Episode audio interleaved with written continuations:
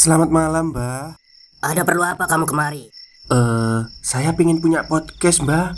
Biar pacar saya makin cinta sama saya. Loh, loh, loh.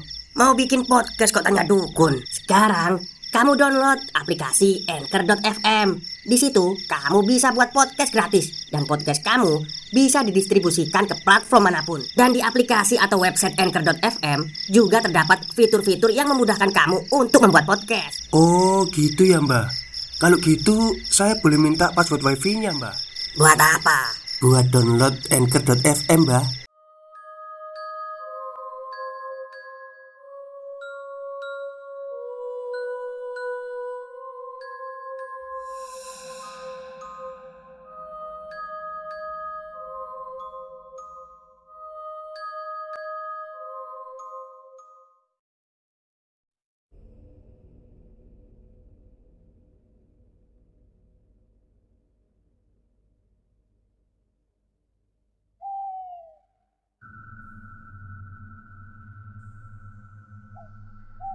Semuanya, jumpa lagi dengan saya Chow Sing Sing, kurator dari podcast Horror Night Story. Pada kesempatan kali ini saya akan menceritakan sebuah kisah mistis yang dialami oleh seorang penulis cerita horor. Dan kalian pastinya sudah tahu ya, yaitu Mas Simpleman nama akunnya. Jadi Mas Simpleman ini uh, mempunyai sebuah pengalaman mistis ketika dia berada di rumah seorang temannya. Oke, langsung saja saya ceritakan. Aku mau berbagi salah satu cerita pengalaman horor yang gak akan pernah aku lupain 10 tahun yang lalu. Sewaktu aku menginap di rumah teman dan sampai sekarang tiap aku ingat kejadian itu Rasanya itu baru terjadi kemarin. 10 tahun yang lalu Tepatnya saat aku masih duduk di bangku kelas 3 SMP Itu adalah masa liburan satu minggu setelah ujian. Seingat aku, waktu itu sore. Enak-enak lagi bengong, tiba-tiba aku disapa sama tetangga sekaligus sepupuku. Liburan ke mana? Tanya dia.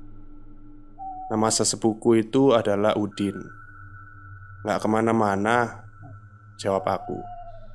Dan akhirnya terjadilah obrolan basa-basi. Intinya si Udin ini nawarin aku buat ikut sama dia Nginap di rumah tetangga aku yang ada di desa.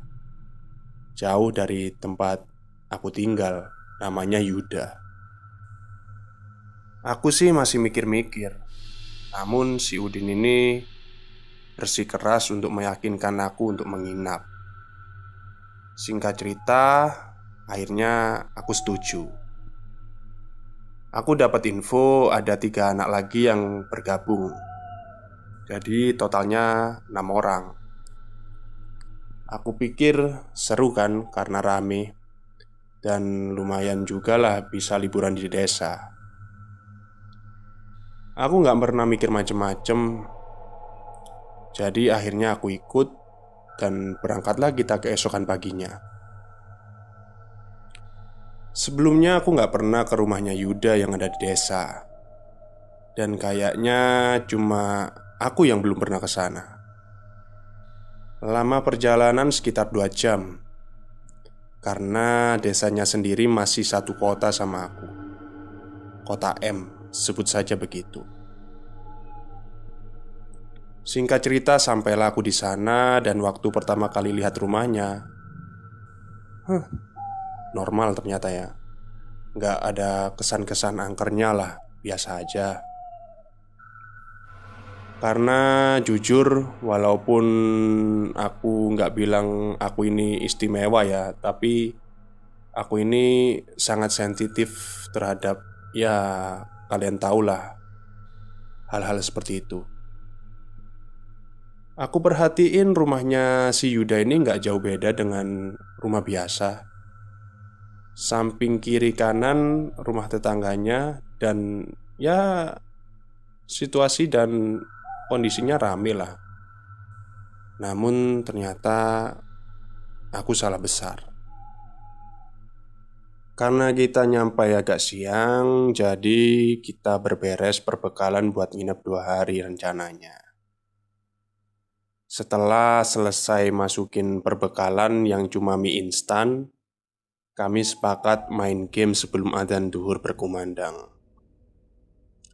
Yuda, si pemilik rumah, cuma berpesan satu: "Jangan buka pintu yang ada di dapur." Waktu itu aku masih belum berpikir macam-macam. Oke, kita akhirnya main game Gitar Hero waktu itu.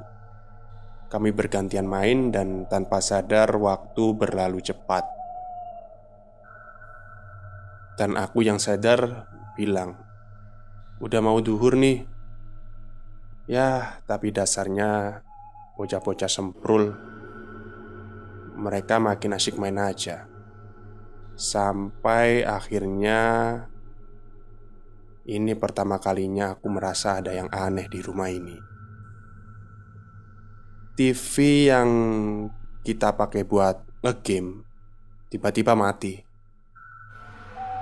Padahal kondisi lampu di kamar nyala. Aku sama yang lain cuma saling lihat satu sama lain. Kemudian hitungan ketiga kompak kami keluar dari rumah lari. Walaupun sepele, tapi jantung aku deg-degan. Kayak maling ayam hampir ketangkep sama warga. Aku lihat mata teman-teman aku juga masih panik, dan mereka saling bergumam satu sama lain. Tapi cuma aku yang kayaknya nggak ngerti apa yang mereka coba omongin. Kita semua balik masuk ke rumah setelah tenang dan saling meyakinkan kalau itu cuma kebetulan belaka. Termasuk si empunya rumah, si Yuda, yang larinya paling kenceng tadi. Akhirnya kita berhenti main game dan memutuskan untuk tidur siang sampai menjelang sore. Gak ada yang terjadi selama waktu tersebut. Sampai akhirnya malam tiba. Hal yang seharusnya aku tahu kalau ternyata ada yang disembunyikan dari rumah itu. Semua anak sudah pada mandi, dan aku ke bagian mandi paling akhir, tepatnya sebelum adzan maghrib pas. Sebelum aku lanjut ceritanya, aku masih uh, aku mas mau kasih tahu dulu siapa saja nama teman-teman aku. yakni Udin, sepupuku sendiri, Yuda, Jali, Andi, Dayat dan ya tentunya aku sendirilah. Sebelum adzan maghrib, Langit sudah mulai gelap, dan aku pergi ke kamar mandi sendiri. Rumah ini terlihat seperti rumah biasa dari depan, tapi dari keseluruhan rumah cuma dapur dan kamar mandi yang dibiarkan tetap kuno. Jadi, temboknya ini dari bambu. Selain itu, dapurnya masih beralaskan tanah dan kamar mandinya masih menggunakan sumur. Mantap. Setelah aku pikir-pikir, setelah aku tiba uh, di rumah ini, aku baru sadar aku belum pernah melihat sama sekali dapur dan kamar mandinya. Setelah dikasih tahu di mana lokasinya, ternyata ada di dapur dan kamar mandi ada di area yang sama. Aku pun pergi. Tepat setelah aku buka pintu yang menuju dapur lalu ke kamar mandi Aku kaget. Karena dapurnya ini ternyata super gede Lengkap dengan tungku kayu bakar Dan ada sebuah ranjang kosong. Aku coba mikir positif Karena emang agak aneh ada ranjang di dapur Uh, namun gue coba menghilangkan itu semua lah ya Karena rumah nenek aku sendiri juga gitu. Di sini aku juga baru sadar Ada pintu di dekat lemari di ujung ruangan. Dan aku sadar Itu adalah pintu yang diomongin sama Yuda. Pintunya kelihatan aneh kayak sengaja diganjal sama lemari gitu. Dan kalau dilihat, pintu itu mengarah ke halaman belakang yang gak aku tahu entah ada apa di sana. Kamar mandinya di sebelah dapur. Di sebelah kiri dapur terdapat kamar mandi dan satu hal yang aku ingat Suasana di dapur itu benar-benar bikin perasaan aku anyep. Ini pertama kalinya kesensitifan aku main. Ada perasaan yang paling aku benci ketika badan aku yang anget tiba-tiba berasa lemes. Tapi aku masih mencoba untuk berpikir positif. Karena aku tahu di sini pasti ada. Ya, kalian tahu lah maksud aku apa. Dan aku nggak mau mengusik mereka. Tapi kayaknya aku salah besar. Saat aku mandi di sumur, muncul perasaan was-was nggak enak. Kayak ada yang lihatin aku gitu, tapi nggak tahu di mana.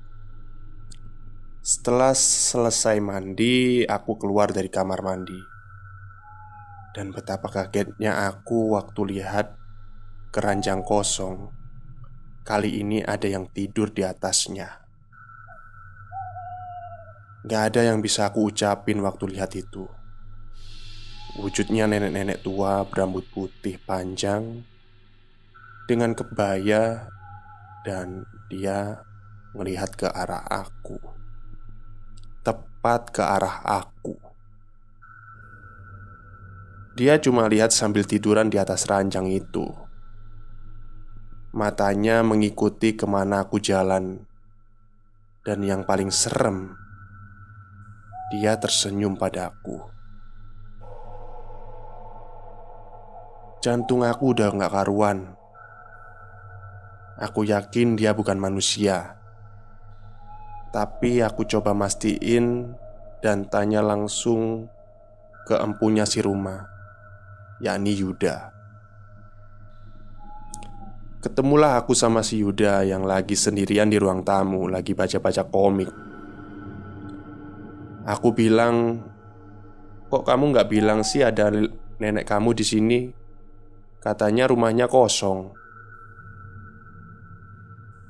Dia ngelihat aku kayak rada keheranan Terus bilang Kosong kok. Kan bokap ke sini baru besok. Oke Kata aku dalam hati. Fix yang tadi itu bukan manusia. Yuda tanya lagi Apa maksudnya aku bilang ada neneknya dan dia ceritain kalau nenek kakeknya itu sudah lama meninggal. Ah, aku cuma bisa istighfar dan coba ngelupain senyum manis nenek-nenek itu tadi. Tapi kayaknya nggak mungkin karena setelah kejadian itu, kesensitifan aku kayak mendadak meningkat berkali-kali lipat. Yuda pergi ninggalin aku di ruang tamu. Sementara aku sendiri mendengar sesuatu yang datangnya dari luar, tepatnya dari pohon jambu di depan rumah. Sebelumnya aku nggak merasakan apa-apa sama pohon itu, tapi kali ini berbeda. Aku mendekat ke jendela rumah dan mengamati apa yang ada di sana. Gak ada apa-apa, cuma halaman kosong. Tapi sialnya, suara itu masih kedengeran. Suara seperti cewek yang sedang ketawa, tipis, nyaris pelan, dan apesnya Mata aku bergerak melihat ke atas pohon jambu. Aku cuma diam sepersekian detik sebelum sadar. Ada mbak-mbak baju putih sedang duduk santai di salah satu dahan pohon jambu. Matanya fokus melihat mata aku. Dia kayak tahu kalau aku liatin dia dari balik jendela ruang tamu. Aku nggak mau lama-lama di sana. Akhirnya, aku pergi dari sana dan gabung bersama yang lainnya di ruang tengah. Mereka masih main game. Waktu itu PS2 masih jadi barang mewah. Dan Yuda yang kebetulan punya. Jadi mereka nggak ada henti-hentinya main itu. Aku gabung.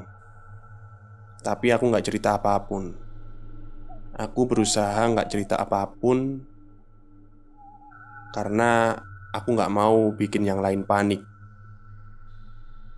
Aku juga ngerasa nggak etis lah cerita begituan di saat aku datang ke sini sebagai tamu. Ya, tamu yang sedang disambut para penghuninya. Aku duduk nunggu giliran main Tapi emang dasar nggak ada yang mau gantian. Akhirnya aku melipir ke kamar tidur. Kamarnya bisa dijangkau dari ruang tengah Dan sengaja pintunya nggak aku tutup.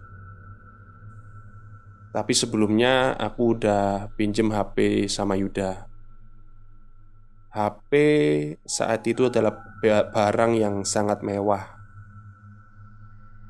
Aku utak-atik isi HP-nya. Ada beberapa lagu, tapi aku malah fokus ke beberapa video. Aku yakin buat kalian masa SMP adalah masa paling indah karena kita pingin serba tahu termasuk video-video 3GP yang lagi booming dulu Ya tau lah ya video 3GP Aku puter video dan menikmati adegan per adegan Sampai aku baru sadar Hal yang seharusnya nggak aku lakukan adalah sendirian. Aku merasa seseorang seperti bernafas di tengkuk aku. Waktu itu aku di atas tempat tidur dan posisi bisa melihat anak-anak main PS. Jadi seharusnya mereka juga bisa lihat aku kan. Video masih berputar dan aku berusaha ngelirik apa yang ada di belakang aku. Dan aku bisa lihat nenek yang aku lihat di dapur tadi sekarang ada di belakang aku, masih tersenyum memperhatikan aku. Ini adalah momen menakutkan sekaligus tegang. Gimana nggak tegang? Kalian lihat setan dalam kondisi kalian lagi nonton film bokep. Senyumnya nggak cuma mengerikan, tapi berasa ngeledek. Tetap aja, kalau kalian bisa bayangin di posisi aku, ketakutan nggak bisa disembunyiin. Akhirnya aku cuma diem sambil ngelihatin dia Sementara video terus berputar sampai akhirnya selesai Gak ada rasa syukur yang bisa aku ucapin ketika si Yuda masuk dan negur aku Sumpah Untuk kali pertama aku bersyukur punya temen Yuda Yang tahu kapan harus datang di saat dibutuhkan Aku ngelirik lagi apa yang ada di sebelah aku, dan makhluk itu sudah tidak ada. Aku lega dong, tapi semuanya baru dimulai dari sekarang. Stop, stop. Kita break sebentar. Jadi gimana? Kalian pengen punya podcast seperti saya?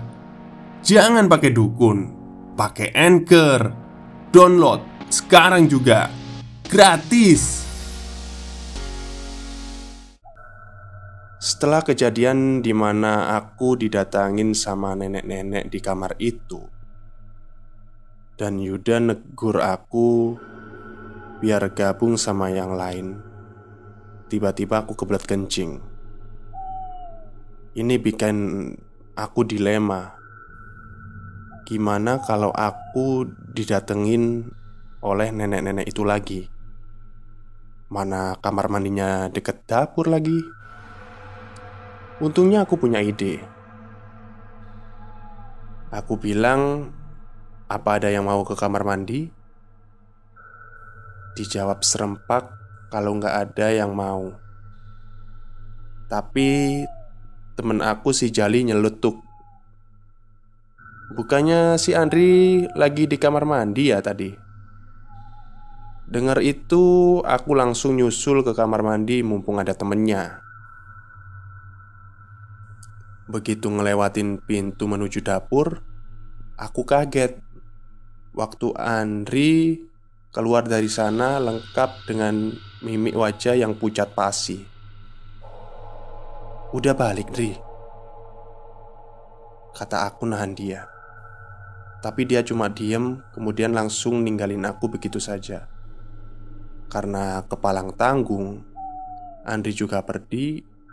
Aku akhirnya lanjut. Sekali lagi, tiap masuk area dapur dan kamar mandi, badan aku rasanya anyep. Aku perhatiin di atas ranjang gak ada siapa-siapa. Begitupun nenek-nenek itu.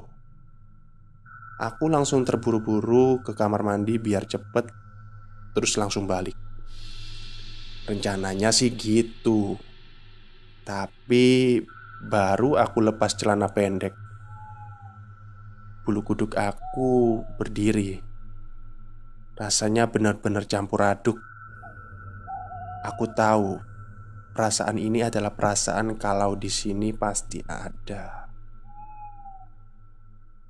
Aku berusaha nggak mikirin itu sampai aku dengar suara orang berdehem.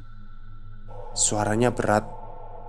Sontak aku yang coba nggak mikirin, akhirnya nyari. Aku spontan nyari sumber suara itu dan setelah lihat kiri kanan, aku nggak ngedapetin apa-apa. Lalu aku baru sadar kalau Sisi kamar mandi yang dari bambu itu tinggi. Pas aku nengok ke atas, astagfirullah. Aku lihat bayangan hitam gede banget dan seolah-olah lagi ngawasin aku. Sontak aku langsung ngibrit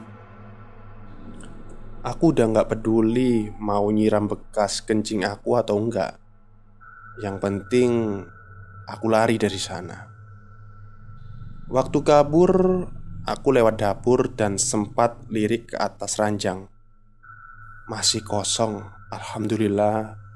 Gak ada nenek-nenek itu. Aku gak bisa bayangin kalau setelah lihat yang begitu harus lihat yang lain. Jantung aku bener-bener gak sehat sementara ini Aku gabung sama yang lain. Kayaknya lagi santai ngobrol. Aku perhatiin Andri cuma diem. Aku juga nggak mau bahas ini karena apa pun yang bikin Andri pucat, kayaknya aku udah tahu jawabannya. Kami ngobrol sampai jam setengah 12 Berhubung udah larut Kami sepakat tidur. Tidurnya sendiri nggak di kamar tapi di ruang tengah. Jadi kita pakai alas yang besar biar kita berenam cukup buat tidur Sialnya aku dapat di ujung Tempat yang paling dekat dengan jalur menuju dapur.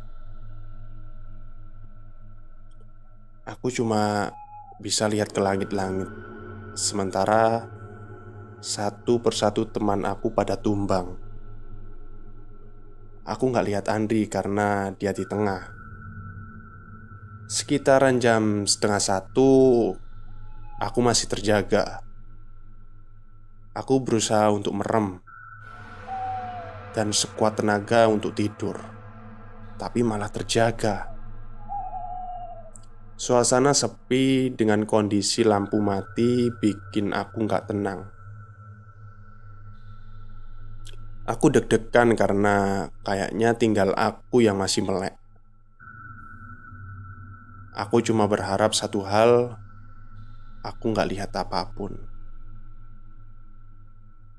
Tapi kayaknya aku salah. Walaupun belum lihat apa pun, Aku merasa ada yang nyambut aku. Aku dengar langkah kaki, suaranya kayak kecepak-kecepuk. Kalau kalian tahu suara dari kaki basah menginjak lantai keramik, ya kayak gitulah suaranya. Semakin lama, semakin sering aku dengar. Beberapa kali diikuti suara ketawa anak-anak. Aku berusaha nggak peduli dan akhirnya suara itu hilang dengan sendirinya. Aku pikir sudah aman, tapi kayaknya aku salah lagi. Baru sebentar aku menjamin mata. Aku ngerasa ada yang ganggu muka aku, kayak ada entah apa ya kena muka aku gitu, bikin gak nyaman lah.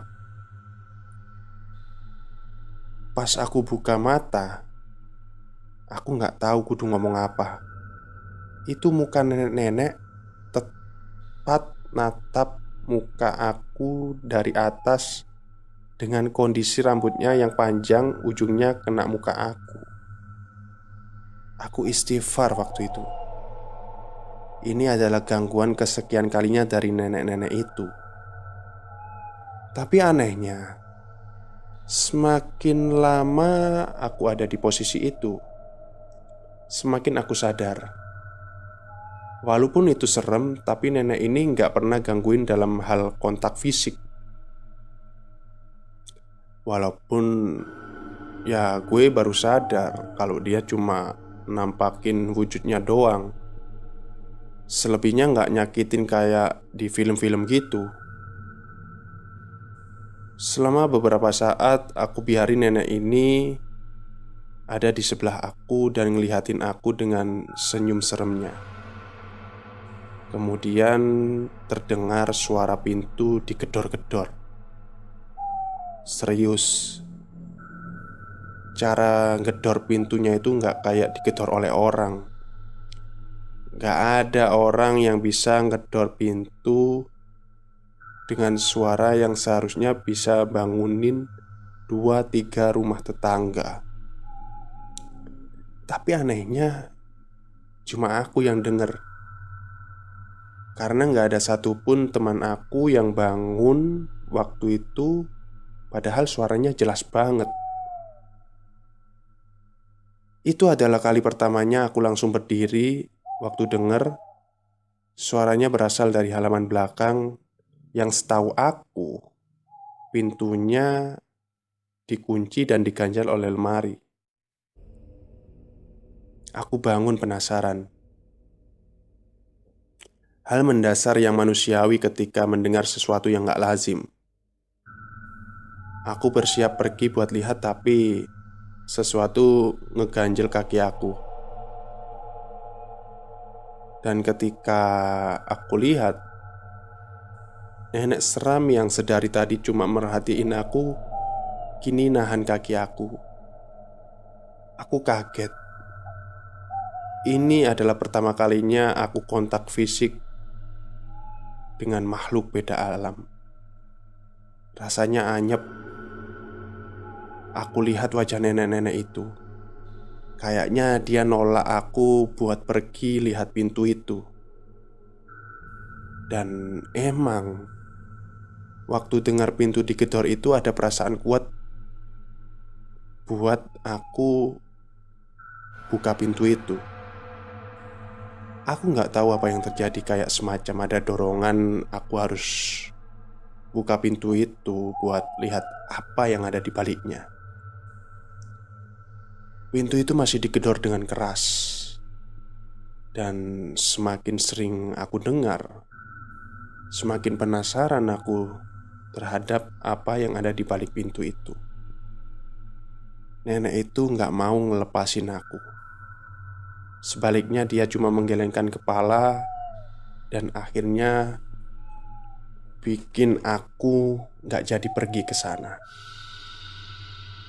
Aku kembali rebahan Akhirnya aku tertidur dengan sendirinya dengan kondisi nenek itu di samping aku entah sampai kapan. Karena sewaktu bangun, aku lihat anak-anak sudah pada berkemas. Aku kaget waktu dengar karena rencananya kita kan bakal nginep dua hari, tapi ada kelegaan saat uh, anak-anak sudah berkemas waktu itu. Jadi kita nggak jadi nginep dua hari lah ya. Mereka cuma berargumen kalau hari ini keluarga Yuda yang dari kota Bakal pakai rumah ini untuk sementara. Jadi kita harus balik. Aku tahu pas itu bohong Tapi aku iyain aja lah.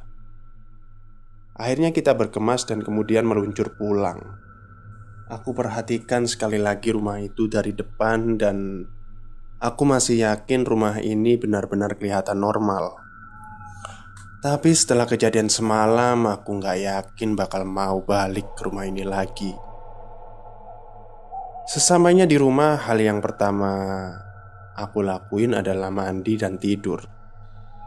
Tapi semua anak-anak malah narik aku ke rumah Yuda. Aku bingung dong Semuanya nahan ketawa kecuali aku dan Andri. Aku yakin pasti ada hubungannya sama rumah itu. Satu hal yang pertama kali keluar dari mereka adalah "Kamu lihat apaan di rumah semalam?" Aku kaget dong dengan pertanyaan itu.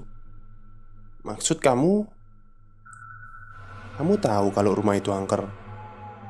Kataku sedikit emosi.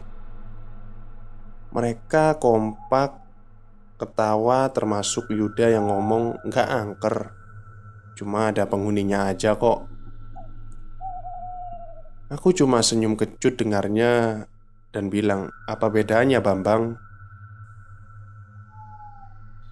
Aku ceritain semua yang aku alamin dan mereka cuma manggut-manggut.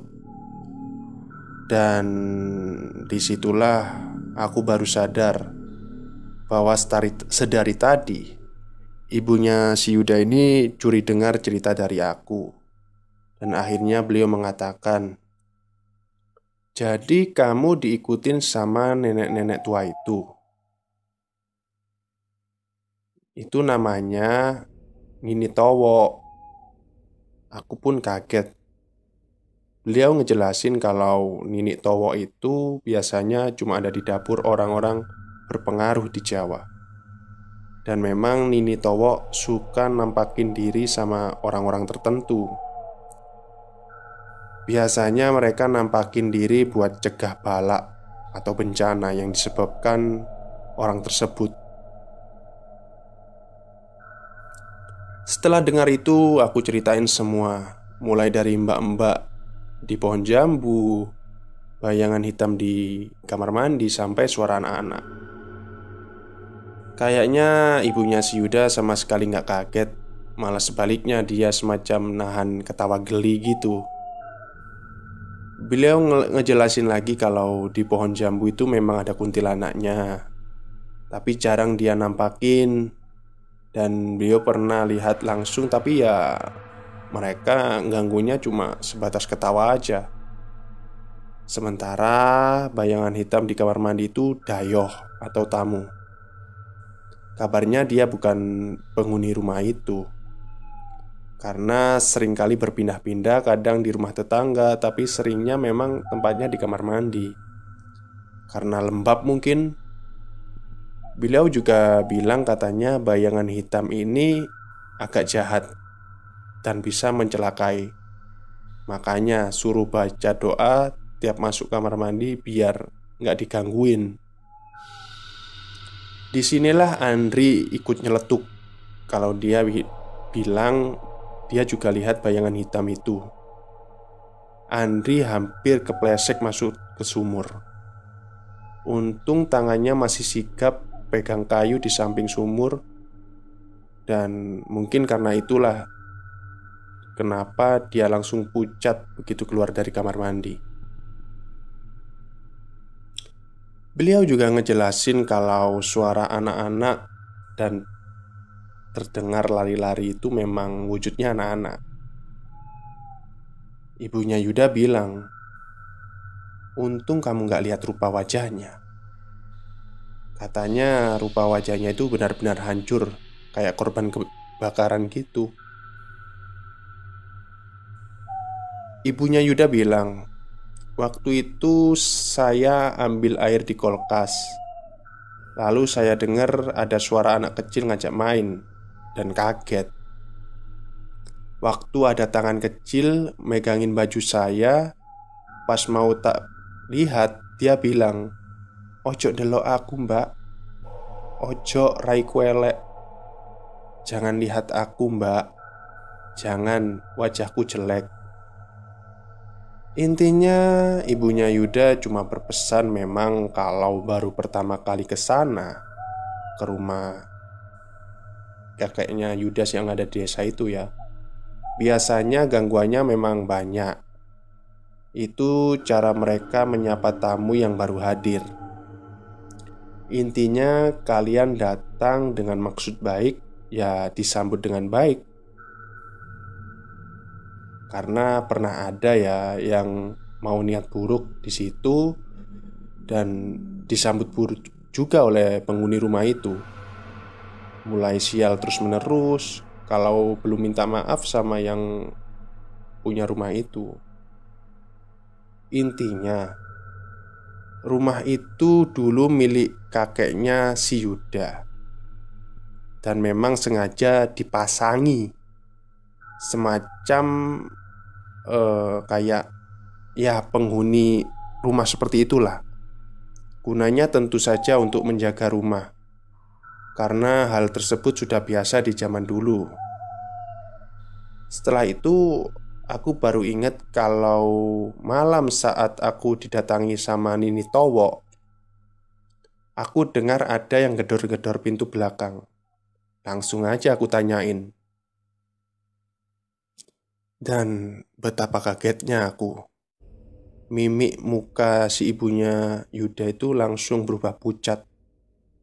Terus kamu bukain pintu itu Kata ibunya Yuda seperti mau marah kepadaku Ya aku jawab Kalau nenek itu mencegah saya untuk membuka pintu itu Ibunya Yuda pun lega mendengar ceritaku Dan akhirnya ibunya Yuda juga bercerita kalau Yang di belakang rumah itu Yang pintunya digembok itu ya Memang itu adalah yang paling jahat.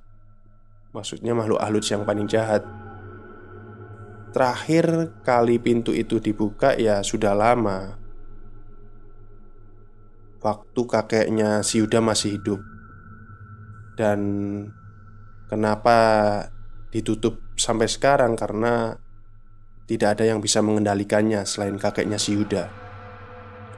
Bentuknya itu seperti jin bertanduk gitu, berwarna merah dan menakutkan.